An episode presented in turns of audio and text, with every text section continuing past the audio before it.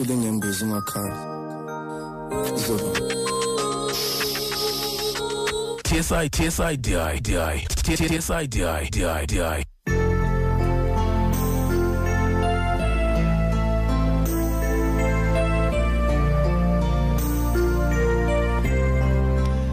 11 imizuzu ibehleke intsimbi ka-11 o'clock umhlobo wone ne-fm inkqubo isithe emfuleni wothando hleke no-tsrdi nditshilo ke ndathi ngoku um ndizawube ndincokola ke naye umphulaphula semnxebeni sive into bakhe ithini ingxaki anayo kwirelationship kwirelationship yakhe. So ndicela ke zondlebe zakho zombini zimamele kaloku um olu thando ndini um luphinde ke lusivise kabuhlungu. Yiloo nto ndihlala ndisitsho ndisithi kumnandi ukuthandwa kumnandi ukuthanda kumnandi ukuthandana kodwa mm olu thando lusifisa kabuhlungu yiyo loo nto ke sidibanayo ngalo ke ngayo le yure yokugqibela emfuleni wothando molo sithando sam.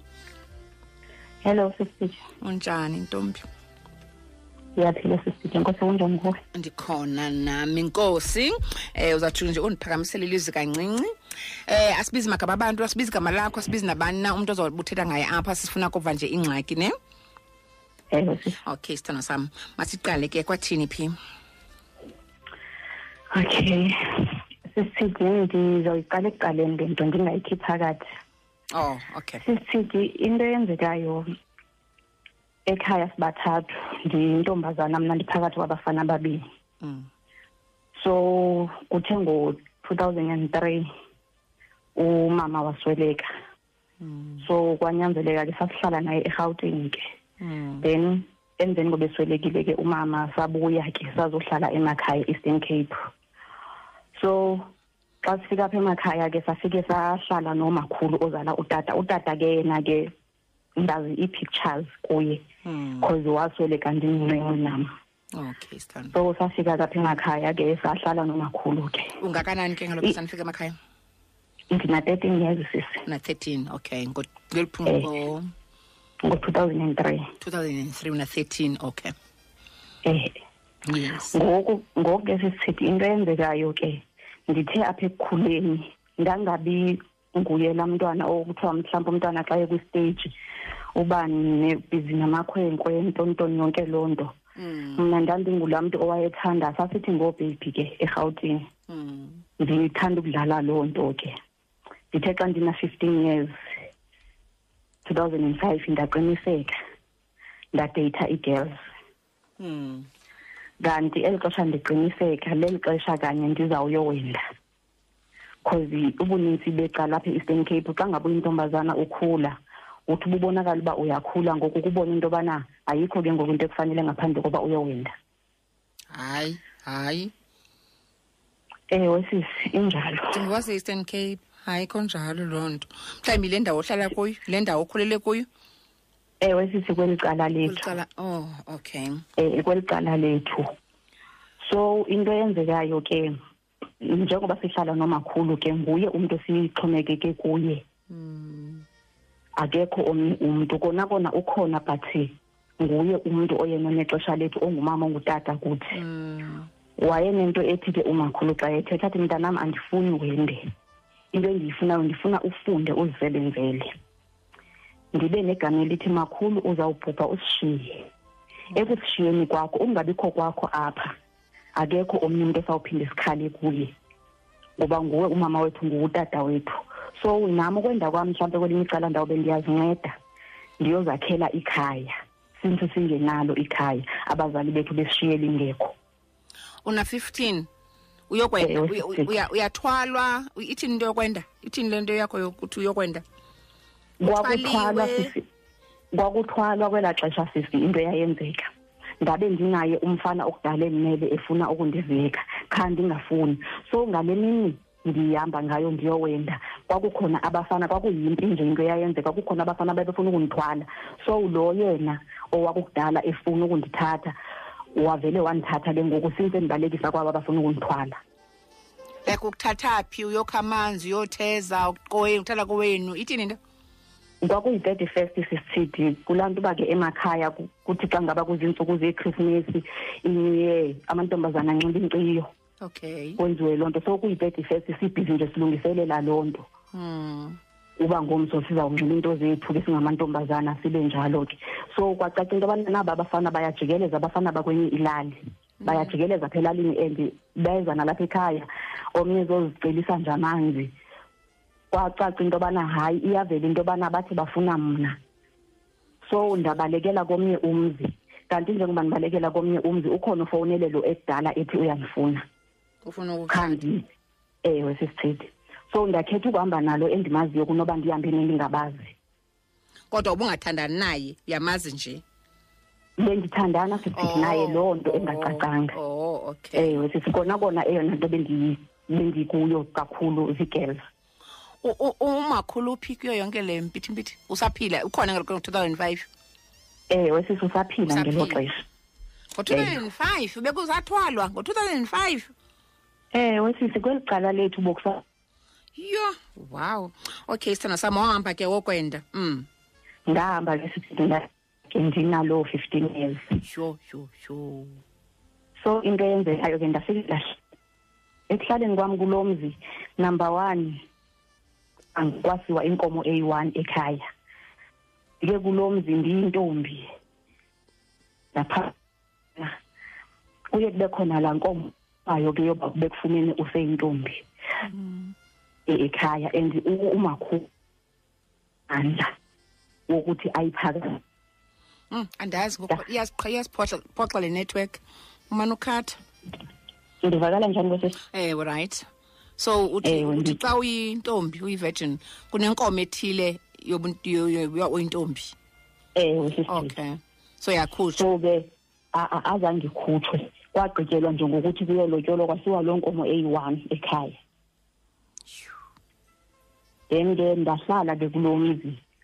Ungakanani lo mntu okuthathayo okuthwalayo? yayingoka-eighty-three mm. Ewe so ndahlala ke sisi kulo mzi ke ndinyamezele kungekho mandi akaphangeli okokuqala lo mntu Hmm. ndihleli apha kokwabo and ndimncinci ngapha but kufuneka ndisebenze izinto zobudala nengqondo funeka ikhule isuke kulaa nto yoba ndingumntwana ngoku okay ndahlala ke kulo mzi kuthe ngo-two thousand ngo-two thousand and twenty fourteen um sokukudala ndihleli sendinomntwana futhi wokuqala. Wesekhona wesekho kwakungu-two thousand andisakhumbuli uba kwangokho unyaka Mm. but sekunethuba ndihleli. Was- wasweleka ke ngokumakhulu ekusweleni kwenyaka ekuswelekweni kwakhe ndaqonda ubana mna ke ngoku ikhaya kum liphelile. Andinayo enye endaweni nokuphinde ndiye kuyo. Nothi ngoba ingekho ifemeli ikhona cause utata owelama utata utata omncinci owelama utata ukhona. Qha kulaa nto uba ufana uba ibe nguye sixhomekeke kuye but athi unkosikazi wakhe lo mzi ndandiwakhela abantwana bam okay. Ayinzima wathi abazali benu mababhubhe bengakhange banakhele. Umama So- notata bebetshatile umama notata? Eh. Babetshatile sisichithi but babesebahlukana ngeli xesha umama esweleka. Esweleka. So baphi Yes. abantu bakulo mama? Abantu bakulo mama kwakukhona utata omkhulu umntu owayekhona cause udadwa usista kamama babe babini kokwabo usista kamama yasweleka before umama mosithando asikisi ewe so ke kwazosweleka umama ke ngokumva kwakhona utata omkhulu ke ngoku mm. ngoku into eyenzekayo ke ndahlala ke kulo mzi wasweleka umakhulu ngalo nyaka wasweleka ngawo Mm. i think it was, it was 2014 bandiphazane Mm. mm. Wasweleka umakhulu ndaqonda ke ngoku mna ke ngoku ikhaya lindiphelele noba ngaba kunzima kangakanani kulo mzi mandinyamezele oko Kona ulutyelwe kona ngaloo kulo- nkomo enye sithi oko kwakususwe loo nkomo inye zange kuphinde kwenzeke nto. Ewe sithi oko kwakuziswe loo nkomo eyi-one. Uhleli apha Endi- ngubani ke ngoko nihoyileyo like uthi le ndo- lo lo ndoda yakho ayisebenzi ithini into? E- ebeba namaxesha okuhamba nabantu abakhayo ababeka izindlu afumane loo senti then ndincedise ngegranti yabantwana. Kwabe kukhona ubrother wam lo ozemveni kwam kwathi uba ndi- ndibe nekwam cause ndaye ndakha ngo-two thousand ngo-two thousand and nine ewe ndanekwam. Emveni koko ndathi mandimthathe azotyala into endiyityayo. Ndazama ke ndambhalisa i-foster care. So ndafika ke kulo mzi ndancedisa ngale foster care Ndim- ndimncinci ngapha sesithile indoda eni- indoda endinayo ayinalo uthando. Ndi- qaphela into yobana ndiye emzini ndingazange ndake ndajola ndayiva le nto ekuthiwa uthando yinto enjani. Mm. ngahlala nale ndoda ayinalo uthando. Into ayenzayo uyandilawula uzenza utata kum. Mm. funeka ndenze le nto ethandwa nguye ngexesha athanda ngalo. Mm, ikhona umzekelo? Ikhona mos lanto uba elalini mhlawumbe kuthiwe kuyasetyenzwa emzini othile. Kukhona into eyenziwayo. So ke niye apho ke ningomakoti. Uba ngaba ke ngoseniphuma kulaa mzi niyabuya. Uba ngaba nihambe nima ukubone bayahamba abantu abangomama bami endleleni kuyancokolwa. Mna funeka ndingami ndihambe ndibashiye ngoba kaloku ndinendoda endiyishiye endlini. Eyam indoda yafika yandibekela umthetho yathi soze ndiye etawuni soze ndiwafake amacici soze ndibe nayo ifowuni soze ndisinxibe isiketi esiyi-three quarter Yho. soze ndiyithwale laa qhiya eveza inwele apha ngemva Yho. ndabhoka ke kuleyo uba ngeke ndiye etawuni ndithi ndawufani noontanga bam besiya etawuni mna ndingayi etawuni Mm. ndithi hayi ezinye ngazithetha kodwa ke nazo kwawubonakala endleleni hayi ke ingabi namsebenzi ke loo nto ufumanisa uba mhlawumbe xa ngaba kuyimicimbi kanje uma engabethe endaweni awuyi awuzuya ke Mm. athi xa ngaba eselile sisithi into azoyenza kukukubetha phela. Oh, akho nto enye ayenzayo sentsho awunalo akanalo elaa xesha loba akuthandi ubethelwane? Okay akanalo ixesha lokuthandwa but ke ngowaye kubetha akanasizathu sisithi andisuse nje nangento noba incinci. Nangento njengenamsebenzi like une-brothers zakhe kokwabo ne azalwa nazo. Ikhona le yayiyi-last born inobubele ethanda ukuncokola. Mm. abe nexesha lokuthi ndithandana nebrother yakhe. Ndibe phofu ingekho yonke loo nto. Fumanisa uba uzondibetha ndibethele loo nto. Mm. Athi ndithandana nebrother yakhe but akayithethi public uyithetha apha kum kuphela. Ndiqonda into yobana nam ndiyoyika ukuyichaza le nto ebantwini abadala cause ekugqibeleni ukuyithetha kwam kukubaxabanisa kwam. Yho, but befuna Ngahla- uyithethe sithando so that azoyeka le nto ubu- ububethwa apho ngonje ngonje into engekhoyo. So xa ubethwayo bapha abantu awukhali bava abantu bazonqanda? Ndiyakhala sisithi ngoba ngenye imini ndakwazi ukuthi ndibaleke. Kwazolamla kwayena lo mfana ekuthiwa ndithandana naye. Mm. wathi efika umamazala kwabe sokukhona yena. Mm. so into eyenzekayo ke ndahlala ke kulo mzi ndanyamezela ekuqhubekeni kwexesha lo mntu akaphangeli uthi soze abe namfazi ozophangela yena. Okoba ke ndibambe izigorobho for uba sikwazi ukudibanisa. Kuphume loo nto ephumayo but ethi akanamfazi onokuphangela yena. Bangapha abantwana Ube- ngoku ngo-twenty fourteen? ngo-twenty fourteen babe babini sisithi because owokuqala ngoka-two thousand and eight Mm. owesibini ngoka-twenty twelve. Wow. Nalapho uba kuya ngokwakhe kwakungafanelanga uba babe njalo ngoba wayethi ndathi ndinalo kuqala wathi ngeke azabe namfazi ozoprezenta yena. Kha ndazixelela into yobana andinawukwazi ukuba nabantwana mna abelamana futshane engathi ndizawube sendibaphani abantwana. Ndandithi- sex leyo inoba ifunwa ngenkani? Ewe sisithi ngoba kaloku le nto ndithi nje ixesha loba umntu akuthande akanalo. Mm. into ayenzayo nje kukukulawula kuphela.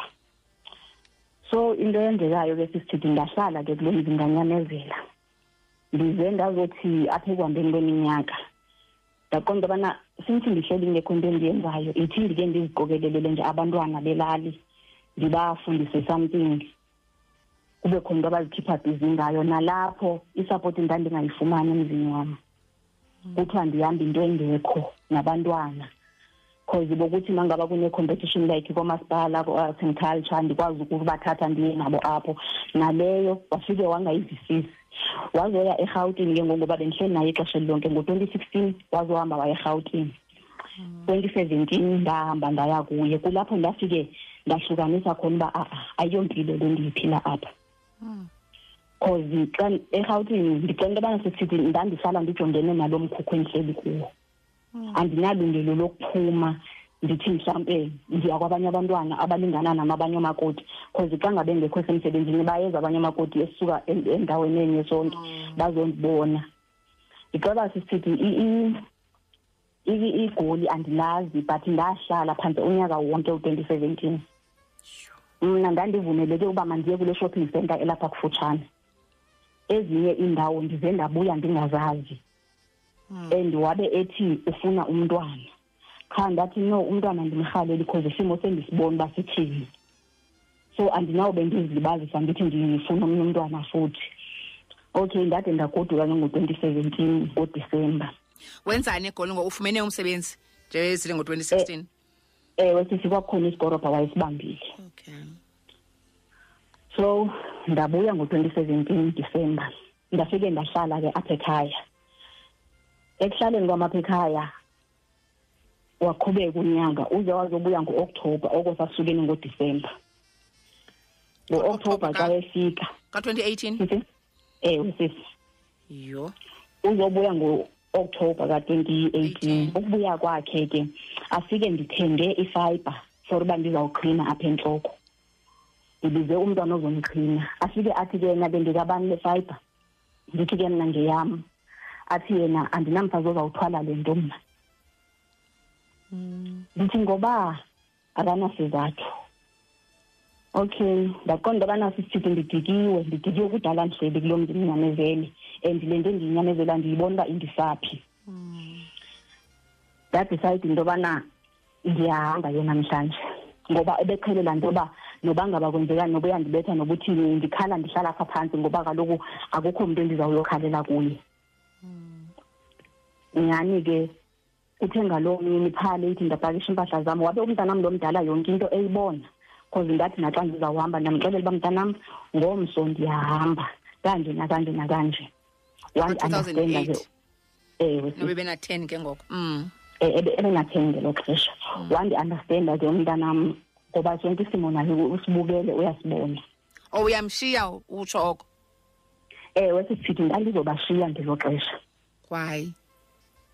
Sisithi okokuqala mna kuqala le ndawo endiya kuyo ndithi kusekhaya but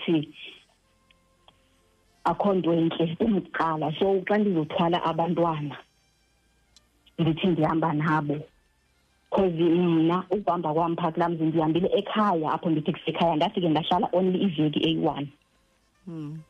ndangabi nalo elaa xesha loba ndithi hayi ndisacinga uba ndizawumisa njani ngokwathi ndahlala only iveki Mm.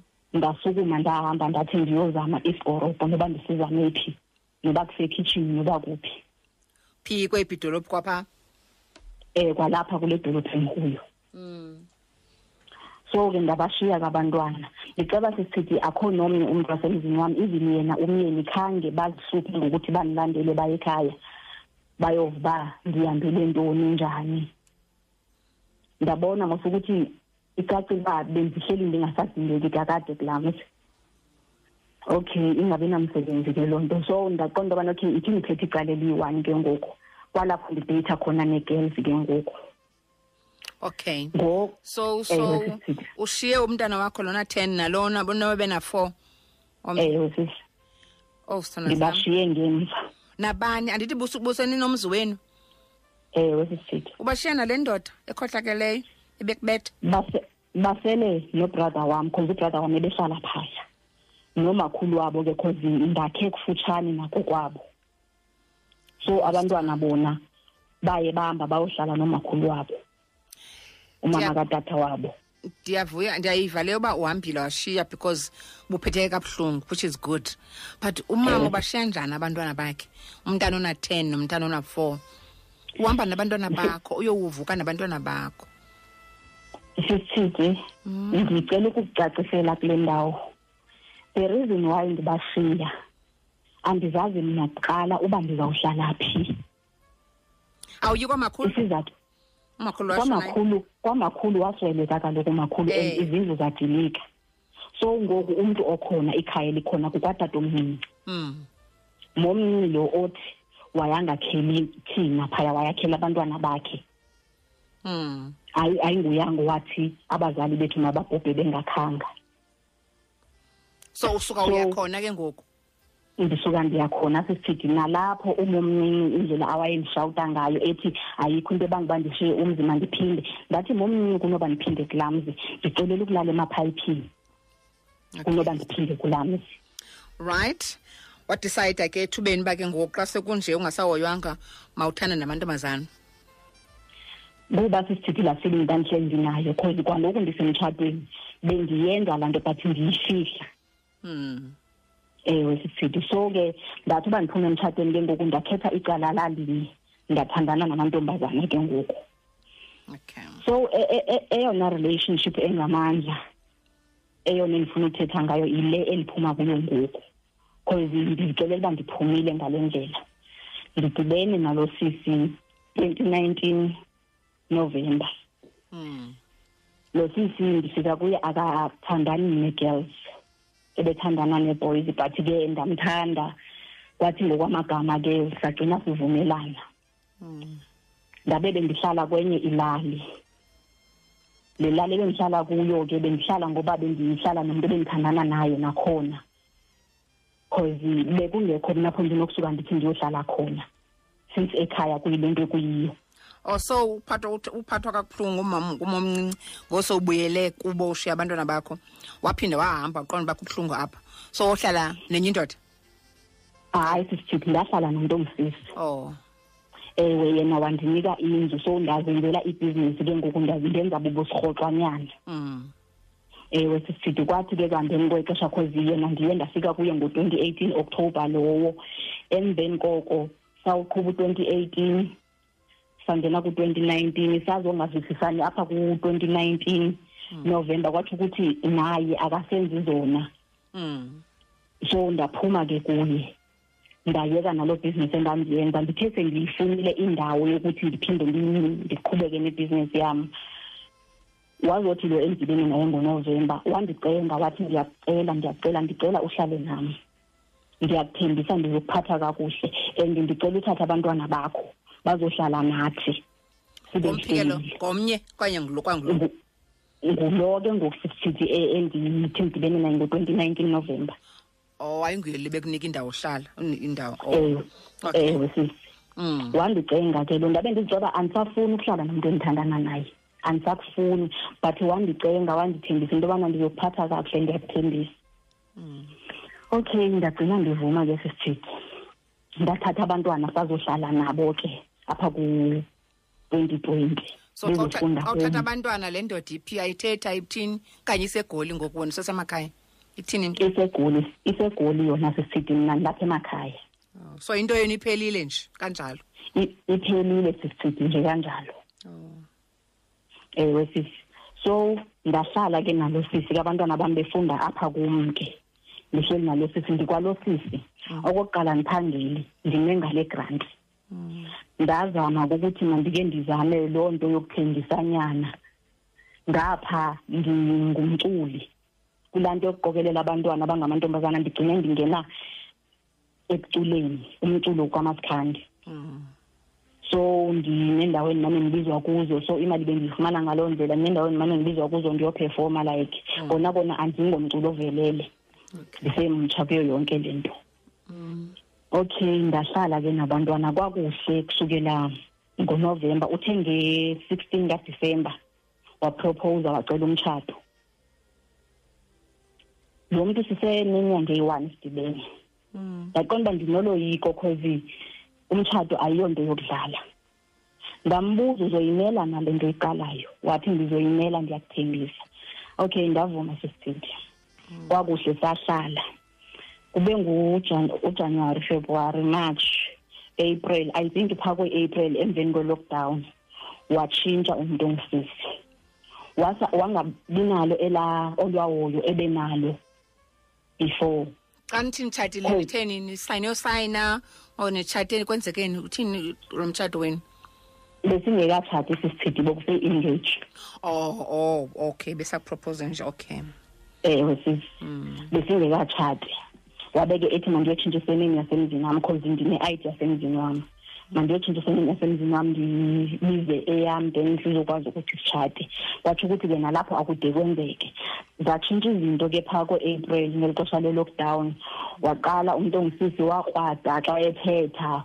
Fumanisa uba naxa engxolisa abantwana mhlawumbi athi xa ethetha nam athethe sengathi uthetha nomntwana. Ndithi sendimxelela uba andiyithandi le ndlela othetha ngayo abe ngathi uvile. Enye into e- e- eyandivisa kabuhlungu kakhulu kuye kuba ndingaphangeli. Ndifike kuye ene-ex boyfriend le ex boyfriend yakhe ibinenzela zonke izinto.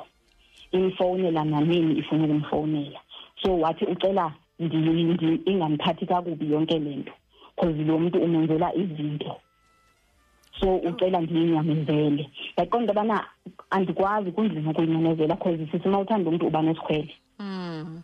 andikwazi ukuyinyamezela yonke le nto. Igama wandixelela lona wathi ngoba awuzukwazi ukwenza ezi zinto ezithi zenzelwa ngulo mntu so kunyanzelekile ukuthi uyinyamezele ndathi okay kuba ke ndingakwazi mandifele ngaphakathi. Kuba ke ndingakwazi ukuzenza izinto ezenziwa ngulo mntu kodwa kona mandifele ngaphakathi yize ndingayithandi. Okay ndimhloniphile sisithi lesi sendithandana naye. Ndimthanda ndimthanda ngoba ke bendimthanda shem lihambile ke ixesha. Apho besihlala khona bokuko kwabo cha abazali abasekho wakha ikwakhe. Ndifike selihleli likhona ikwakhe cha engekaligqibi sayongena kwakhe ke ngoku apha i think august or september andikho sure sangena kwakhe ke ngoku safike sahlala khona ke. Apha Thank you, last year Sisi. okanye wa this year owa last year oh. Ewe safike sahlala ke kwakhe kwakuhle but into ibingihlukumeza kakhulu. Xa ngaba ndicomplaina into endingayithandi. Ebengakwazi ukuthi andilungisele le nto yobana okay andi- okay lo mntu akayithandi le nto. Kwi-relationship kaloku sisithi xa ngaba ipartner yakho into ingayithandi kumele uzame ukuhlangabezana naye. Ungathi ngoba uyabona into yobana andikonwabisi. Phofu uhlalele ntoni kum? Ungayi kwaba bazawenza le nto oyifunayo. Mm. ithini into yalo sisi ne- nalo ex? Bayalala bayabonana uya outa le lo boyfriend yeza apha. Ithini into? Ba- bango eh, Aka- ithini? In- u- like ithini? Aka aka-awuthi sisithi eh. Uyafika lo lo ex wenzani? bhuti sometimes afike apha endlini afike ahlale. Bancokole sometimes afowune bathethe noba yi-hour xa befuna ukuthetha Ntoni? ngoku ndikhona. Ntoni? Babizana kanjani? Bathela ntoni bebizana kanjani? Babizana ngamagama. Akho baby Bancokola. honey, sweetheart ntoni? Sisi hayi hayi akekho loo magama bancokola ntoni? Ithini intetho? Because uyakuyivince intetho yabantu noba awukho apha awu- awu- awu- uyimamela nje. Xa uva kuthetha abantu abathandanayo xa nguthetha abantu nje bazincokolela into zabo nje. Sometimes sisithi bezibakhona ezaa nto zinto yobana ewe abantu ikhona into ephakathi kwabo mm. ewe sometimes bazincokolele nje okay. so ndahlala ke kunjalo ndithi xa ngaba into ndingayithandi fumanisa uba ndingulaa mntu onentliziyo encinci ndithi xa ngaba into ndingayithandi futhi ndikubonisa into yobana andiyithandi ungakwazi ukundilungiselela ndiye ndibe nenyembezi so uthi ndithi noba ndiyakhala athi iyandixaka into yakho yoba uqale into sowugqiba uthembele into yobana uzokhala. Akuyeke sisithi umntu ukhale kodwa lonke lo xesha uthi uyazithanda angabi naxesha lakho uzokhala uphinde uzithulise. So nasebantwaneni kwabe kungekho nto entle cause eyona nto ibindisukumeza kakhulu ngabantwana. Ngoba kaloku abantwana yonke le le meko bayayibona. And ebengamind ukuthi uma ngaba into engayithandi andikhwabe ngempama apha phambi kwabantwana. Ndiqonda uba ndihlonipha abantwana. Andikwazi ukuthi ndiphindise ngoba kaloku ndilungiselela abantwana. Uqhwatyiwe nje kuphethwe kabuhlungu apha. Balungiselela phi abantwana because uhleli kule meko. Bayayibona bayayithanda leyo uba wona uqhwatywa umama wabo. Even if wena Ngeke. uphindisi ngeke baze bayithande sisithi baze bayithande isithando ndicela uhamba ndibheke evenkileni then sibuye sish- sishwankathele ne okay ke sisi. alright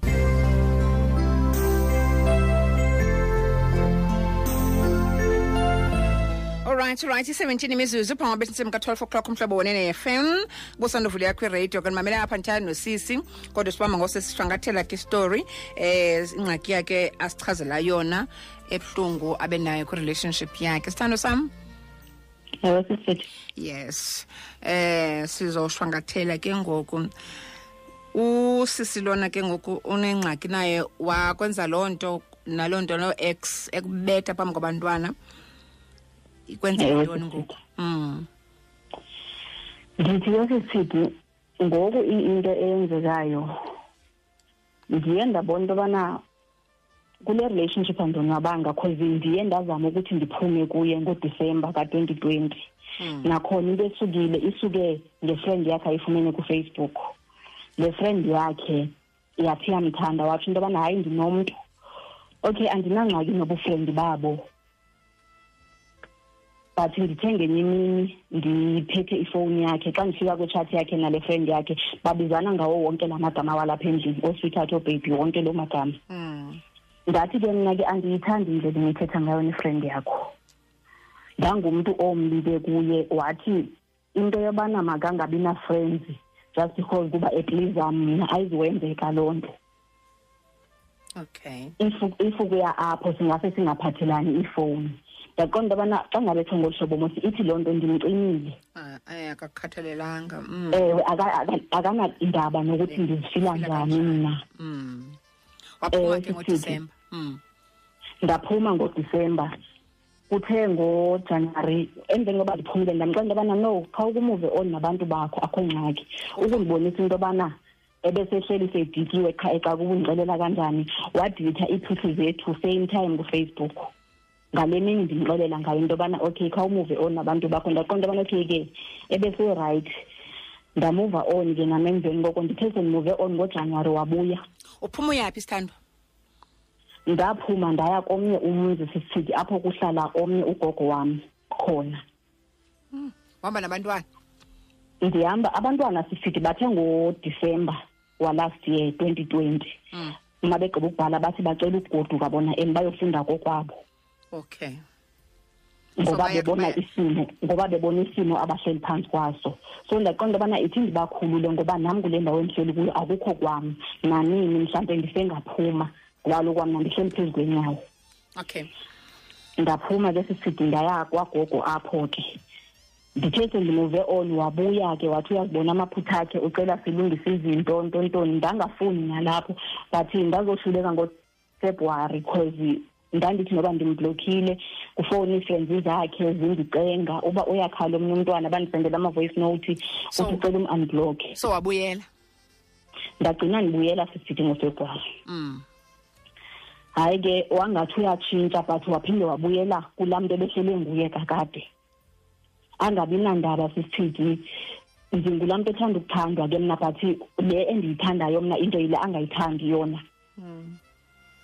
ufumanisa mhlawumbe noba ngaba ndifuna ukumthanda ngelo xesha akafuni yena akanamdla. Iphele nje inyanga singene kweyesibini sihleli as sisters endlini ningalali. Ndithi xa nga- singalali. Okay. Ndithi noba ngaba mhlawumbe kwakhona isikorobho endisifumana ndithi xa ngaba ndiye esikorobheni fumanisa ndiyogqibela ukuthetha naye ekuseni xa ndithe ndifikile emsebenzini. Sendimthethisa kuwhatsapp or ufacebook uzothula angandiphenduli xa ethanda. Imini yonke. So ndazigcina ndingesithukuthezi ke mna. Ndathetha nabantu kufacebook ndancokola nabantu kufacebook. Nale into wayifumana nalapho ndaxolisa kangangoko kuye. Wazothi ke yena ke hayi kuphelile phakathi kwethu okay kwangabikho nto ke ndasuka nalapho ke ngoba sethi kuphelile cause andikwazi ukuhlala naye xa esengasanithandi. Ngoba kukwakhe ekugqibeleni. Ndahamba kwa ndayovula komnye umzi onga- ungasahlaliwa kuwo. Ndafika phaa ndahlala. Kungekho kwanto sisithi ngaphakathi kungekho ngubo kungekho ntoni but ndathi yonke into izawuzenzekela ngokuthanda kathixo. So umeza wakhe ke wancokola nam. Uthe ubeva umeza uba okay ithini into? Waphakama ngelo xesha. Waya kuye bafuna imoto bahamba bayondithatha. Hayi ke ndabuya ke ndahlala naye. Ndithe sendihleli naye wathi sisi? Wahlala naye lo mntu bebusuke kuye again? Ewe sisi. Oh okay. Ndahlala ke. Ekuhlaleni kwam wazothi ndiyakubona uba awonwabanga. Icacile uba andenzi kakuhle. So ndiyakukhulula. Khawuke wenze yonke into ofuna ukuyenza. But uyenze uyenze. Loo nto ibuyela apha endlini. Ndithi akusekho thando kaloku. Ungatsho njalo. Soze umntu omthandayo umkhulula uthi makenze ngantoni afuna ukuyenza. Siphi ngosithandwa ngenxa yexesha? Siphi ngoku? Sisithi into eyenzekayo ke ngoku. Size ndithe uba ndifumene umsebenzi ke ngokwenye indawo. Into ezosixabanisa ke ngoku side sibe sifikelela kule ndawo ndikhalazela into yobana engandihoyanga oko ndimkile endlini ndisemsebenzini. Lixesha likabani elanalo njengoba mna fumanisa ndizothetha ekuseni ngo-seven ayondiphendula ngo-twelve kuwhatsapp. Ndithethe ngaloo two mhlawumbi ndiphendula ngoo-three so ndamosha ngokukhompleyinela loo nto. Wazothi ke yena ke ngoba ndiyakufeyila ndiyabona into yobana ndiyakufeyila kungcono ndikuyeke uqhubeke nobomi bakho. And lo muntu ndiyamthanda sisithi but ndiye ndadicide into yobana okay ke ma ngaba kuwukuthi ubona ngale ndlela ngoba ingxaki sendikhathele nam ngokusoloko ndithethe into enye nomuntu emdala. Xa ngabe ngasenalo ixesha lam ithi nam ndamkele. Kona kona sisithi akukho lula akukho lula into ndiyamthanda ndingatsho into oyithandayo because akakuthandi? Thanda ntoni? ixelele uba zintoni ozithanda and- ngayo andisayazi into endiyithanda ngaye. Ngeke ndiphosise ndithi yintoni andisayazi into endiyithanda ngaye. Kona kona bokunzima ukuthi ndihlukane naye ndiphume kwakhe ngoba kaloku xa ndiphuma kwakhe ndizawuphuma ndiyephi and naye enze ezi zinto azenzayo nje uzenziswa yilaa nto uba ndihleli kwakhe and akukho apho usekwakhe ndizawuya nangoku? khona. Usekwakhe nangoku? Kuba ndisemsebenzini ke ngoku sisithi. But xa ngaba ndigoduka andinayo Uyabuya. indawo endizogodukela kuyo ngaphandle kwale ndawo yakhe. Okay. Awayazi uba uthanda ntoni? Andisazazi sisithi kodwa uthi uyamthanda? Kodwa sisithi ndi- ndincamile ndingatsho ndincamile because uthando lwam akaliboneli ntweni Hayi, ade sithando abhale sam. kwistatus sakhe athi umuntu osoloko ebhizi emva kothando okokoko emva kothando elo xesha ka-akhivanga nix ebomini hayi sithando sam Ndim- futhi andifuna uthi apha kum ereyidweni uthi awumthandi. And- and- and- and- and- andikublame ngokumthanda. All i'm asking is usamthanda na? Sibe kuloo ndawo yoba uyamthanda uthanda ntoni? Sukuthi aa andazi ngoku kuba kuthi because uthi usemsebenzini xa ugodukgodukela phaa kulo mzi uthanda ntoni kulo sisi xa uthi uyamthanda? And there's nothing wrong kuba umthanda umthanda noba ukuphethe kakubi. Sisithi intliziyo yam yonele yonele. Bona bona laa nto yothando isasele entliziyweni yam but ndonele ngoku. Kungcono amuve on nempilo yakhe. And into endiyibonayo ngoku ndine-enga ndinenzondo ndivele ndibe nomsindo endingawazi buvelaphi ya.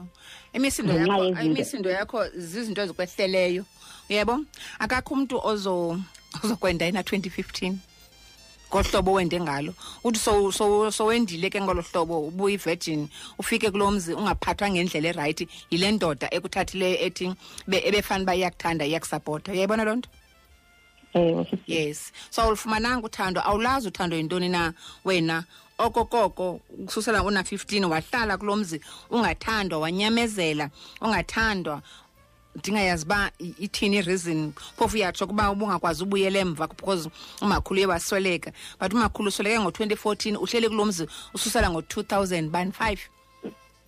Five una-15 like ube khona umakhulu ubunosuka apha but ke mhlawumbi you were young ubungakwazi ucinga ngolu hlobo ocinga ngalo ngoku. Because ngoku uyakwazi ukucinga but awukwazi ukuthatha i-actions. Yeah understand into endishoyo uyakwazi ukucinga ucinga uyakwazi uyibona into erongo but awukwazi uthatha i-actions. Because lo sisi lo befana uba kudala uphumele kuye sithando sam. Ubambe litorho olubambileyo uzakhele noma ngumkhukhwanyana mkhukhwanyana wakho uhlale. It's better into yokubana uhlale kulo mkhukhu wakho uziselela amanzi aneswekile utye nesonka kunoba uyohlale e- e- uphile kabuhlungu. Into ebalulekileyo yi-happiness yakho nephiso nayo emotionally you know physically ube right spiritually ube right ube ne-self love. I-self love ayikho ayikuba mhlawumbi nishiywe ngumama wam- wenu semncinci una-13 wohlala emakhaya but umakhulu i think ukunikezile uthandwa nyana benalo okukunikeza lona. Uyayibona? I, I do not Ewe. understand uba ngo-2005 kusekho into yobana abantu bayathwalwa. You understand? Kodwa ke yenzekile. But ingxako nayo yindlela sithando sam eyenzeke ngayo yonke le nto yothando susela kwango-2015 it was so wrong. Ibi ikwenze waziva u- u- u- u- i-self esteem yakho ilow une-low self esteem um wangabi nakho ukuzithanda le nto kuthiwa yi-self love wangabi nakho ukuzihlonipha. Izinto zonke ubuzenzela abantu. Wena wenza izinto because ufuna usatisfya abantu. Ubusatisfya laa ndoda because ut- une- une- unento ethi hayi ndihlele kulo mzi lo mntu makandenze le nto andibethe a- a- afune ukuzalisa abantwana abalekela nayo because alale nawe ungafuni noba ulale nawe because ukuncekela into yobana andinakhaya i- i- umakhulu akasekho. Like sithando sam ayi- ayikho loo nto leyo. Ibicalapho le nto yakho iba rongo and ngoku ikungenile le nto. Uphinda uyaphuma apha uphuma uhamba uyohlala nomnye usisi uyathandana nalo sisi uyanyamezela nakulo sisi uphinde uphume kuye uyohlala nomnye usisi naye akuphathe kakubi umane umka umane uhamba. Because awuzihloniphi wena. Awumi ngokuthi lezi zinto ngoku uzondidraw iline uzawuzenza ezinto kodwa apha ngoku kuyaphela andifuni ngesiqu sam. So uthathile eh u- uthathe ubomi bakho busele kuwe uyazi uba mawuthini ngawo ngesiqu sakho. Uye kukuzinikezela abantu abangakuthandiyo. Uya-understanda nto ndisho wesithando ewe sisithi ndiyakuva hey wesithando sam please phuma kulo sisi. Phuma kulo sisi and u- uziqalele ubomi bakho obutsha and ukhume mhlawumbi nange-relationship so that uzozifumanisa uba ufuna ukuthini kanye kanye. Ufuna ukuthandana nobhuti ufuna ukuthandana nosisi.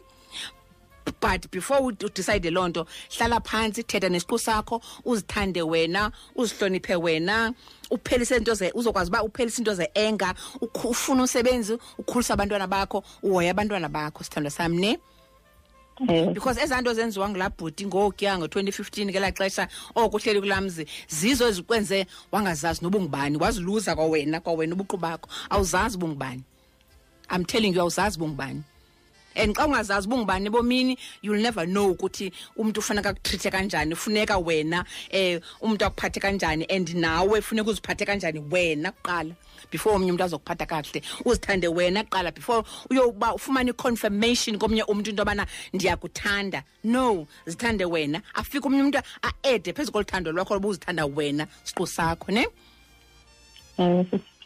Yes sithanda sam uyayifuna i-counselling ewe sisithi ndiyayicela ewe sithandwa sam uxolo wethu my love but zizinyaniso ezifuneka uzivile ndiyakuthanda kakhulu and i hope kuba lapha namhlanje ubomi bakho buzotshintsha. Cinga xa ucinga cingela wena sucingela omnye umntu. You understand? Mayiphume ngolaa nto yoba usengumntana ona- ona-15 owathathwa ilaa ndoda. Ucingele yona because ufuneka um accommodate ube neroof ube nokutya ube nantoni. Ngoku into mayibe ngawe ngoku 2021 I love, I love you sithando sam ne ndiyakuthanda nam sisithi enkosi. Bethwa lixesha ke apha bethu nana andikhangela babini. Molo mhlobo. Hello. Molo mhlobo. Msebenzi masiye mama. Ngiyamthanda untombazana okokuqala le ntombazana inamandla. Angasebenza awuphi umkhukhu wakhe makakayeke le nto yokuthandana ayikho indawo makayokwakha umkhukho ngale mali akayisebenzayo ngoku. Enkosi sisisi yes enkosi mama molo mhlobo ayasindile masiye sithandwe okay sidene ngixele mathile so usisima mabe makhoze mabe ayeke mani ufuna uthando. Makazibeke. Okay sithando samolo mhlobo ngogqibela ayibethelizo masiye sithando eh usisi makazinike i-chance akaphumle ajonge isiqu sakhe. Angaphumi kule relationship namhlanje ngomsa angene kwenye. Akaphumle noba yi-six months or unyaka akazikhangeli bundawomi afune umsebenzi azokhela indawo ohlala kuba ngoku. Into embuyisa kuloo sisi enyuke esihla kuloo sisi is because akanandawo yohlala. So okay sithando sam right chris asinaxesha apha molo nemizumithathu molo baba. Masiye. ewe liphelile tu ixesha. Uthathe ixesha elide usisi ukufikele endabeni. Mm. um but what she's struggling with i- i-identity crisis. Yes. Um and and that leads to not having ixabiso or, or i-value to self. Uh, the difference ke kulanto ye, ye, ye self worth is that i-self worth iku- i- ikwenza u- uzibone um and uzitreat wena ngendlela okufuna abanye abantu bakutreat ngayo. I-self worth is in ekuput- ek- ek- ekufakeni i-action. Now that you've said uba i know ukuthi i'm worth something ne-value yo- eb- ebomini bami then abanye abantu baza kuthetha ngale ndlela wena olibeke ngayo ixabiso lobomi bakho. So there are certain things that i'm going to quickly run through um ezibonisa uba you value yourself. Okokuqala uyi-acknowledge la inner voice. I-inner voice right now it tells you that you are not good enough you are not worthy you are that 15 year old who was abducted um, but you need to then replace ezo zinto ezithethwa yila inner voice uzireplace nga- ngalo muntu okwazi ukuqokelela abantwana abathiche ngalo muntu one-talent yokucula um because nobody is, is, is born useless. Zikhona izinto ongafaka ngazo ixabiso ebomini bakho and using your talent is one of them and unayo i-talent njengoba sosiqelele receiving ama-compliments you have no idea how much that builds i-self-confidence when umuntu ezathi ekujongile athi umhle and sometimes ayingabi ngabanye abantu abaxelelayo wena uziqelele uba ndimhle i am valuable i am important i i i I deserve happiness. Uzisho ezo zinto and uzibelieve elandelayo uba look at i-effort oyenzayo each time uba ku struggle you find the courage to pick yourself up and go and start over elsewhere. Use that courage to begin to build yourself. Ingxaki yakho ukuthi i-courage yakho uyifumanela to move to the next disaster. Hmm. Because i-worth ye ixabiso lika-self alikho tu tu tu and you believe ukuthi i-happiness yakho is dependent on on other people and not what you can do hmm. for yourself. You need to create i-understanding yakho yothando. But xa ndisithi ndiyathandwa this is what should be happening because right now anything that is sold to you that looks like love you fall for it. Affirm yourself. Uzitsho ezi zinto uh, that you want to hear from somebody else. Ukhala ngokuthi um most of your, of your partners baba bayakuyeka bakuneglect focus on yourself. You said something to me for now khawubuyeke i-relationship you were 15 you didn't know who you are you didn't know your inner strength right now go and build yourself and you'll be amazed. Izinto ongazi-achieve just focusing on your inner strength. Stop looking for i-happiness kwabanye abantu. Right now it's no longer you can't selfishly be making decisions. Zokumane umuva from one place to another. You have children to consider. Okay. children abangacelanga ukuzalwa. The reason labantwana bacela ukuyohlala emakhaya enhluphekweni wena oyibalekile is because your life now is not sustainable. You need to find yourself know ukuthi it's no longer about you. It's unabantwana obazise emhlabeni and you need to make ama-decisions that include them as well and stop settling. Stop looking less. for happiness in other people. It is there within yourself. Believe it build it uh, and ukwazi ukuphila kakuhle hashtag masithandaneni inkosi kakhulu. Masithandaneni torhwana. Okay, inkosi. kakhulu chris. Right bethana ndiyabulela kakhulu. Eh buhleli nam lapha ngentsimbi yoshumi zodika ngokwiza nendlebe yakho kuqala ndithi mnxwa neyesibini ndithi mnxwa zona zolipsi zakho zintofontofo ndikuphuze ndithi mnxwa hlala usuthi njalo uyazi uyathandwa kakhulu ngu-t s i d i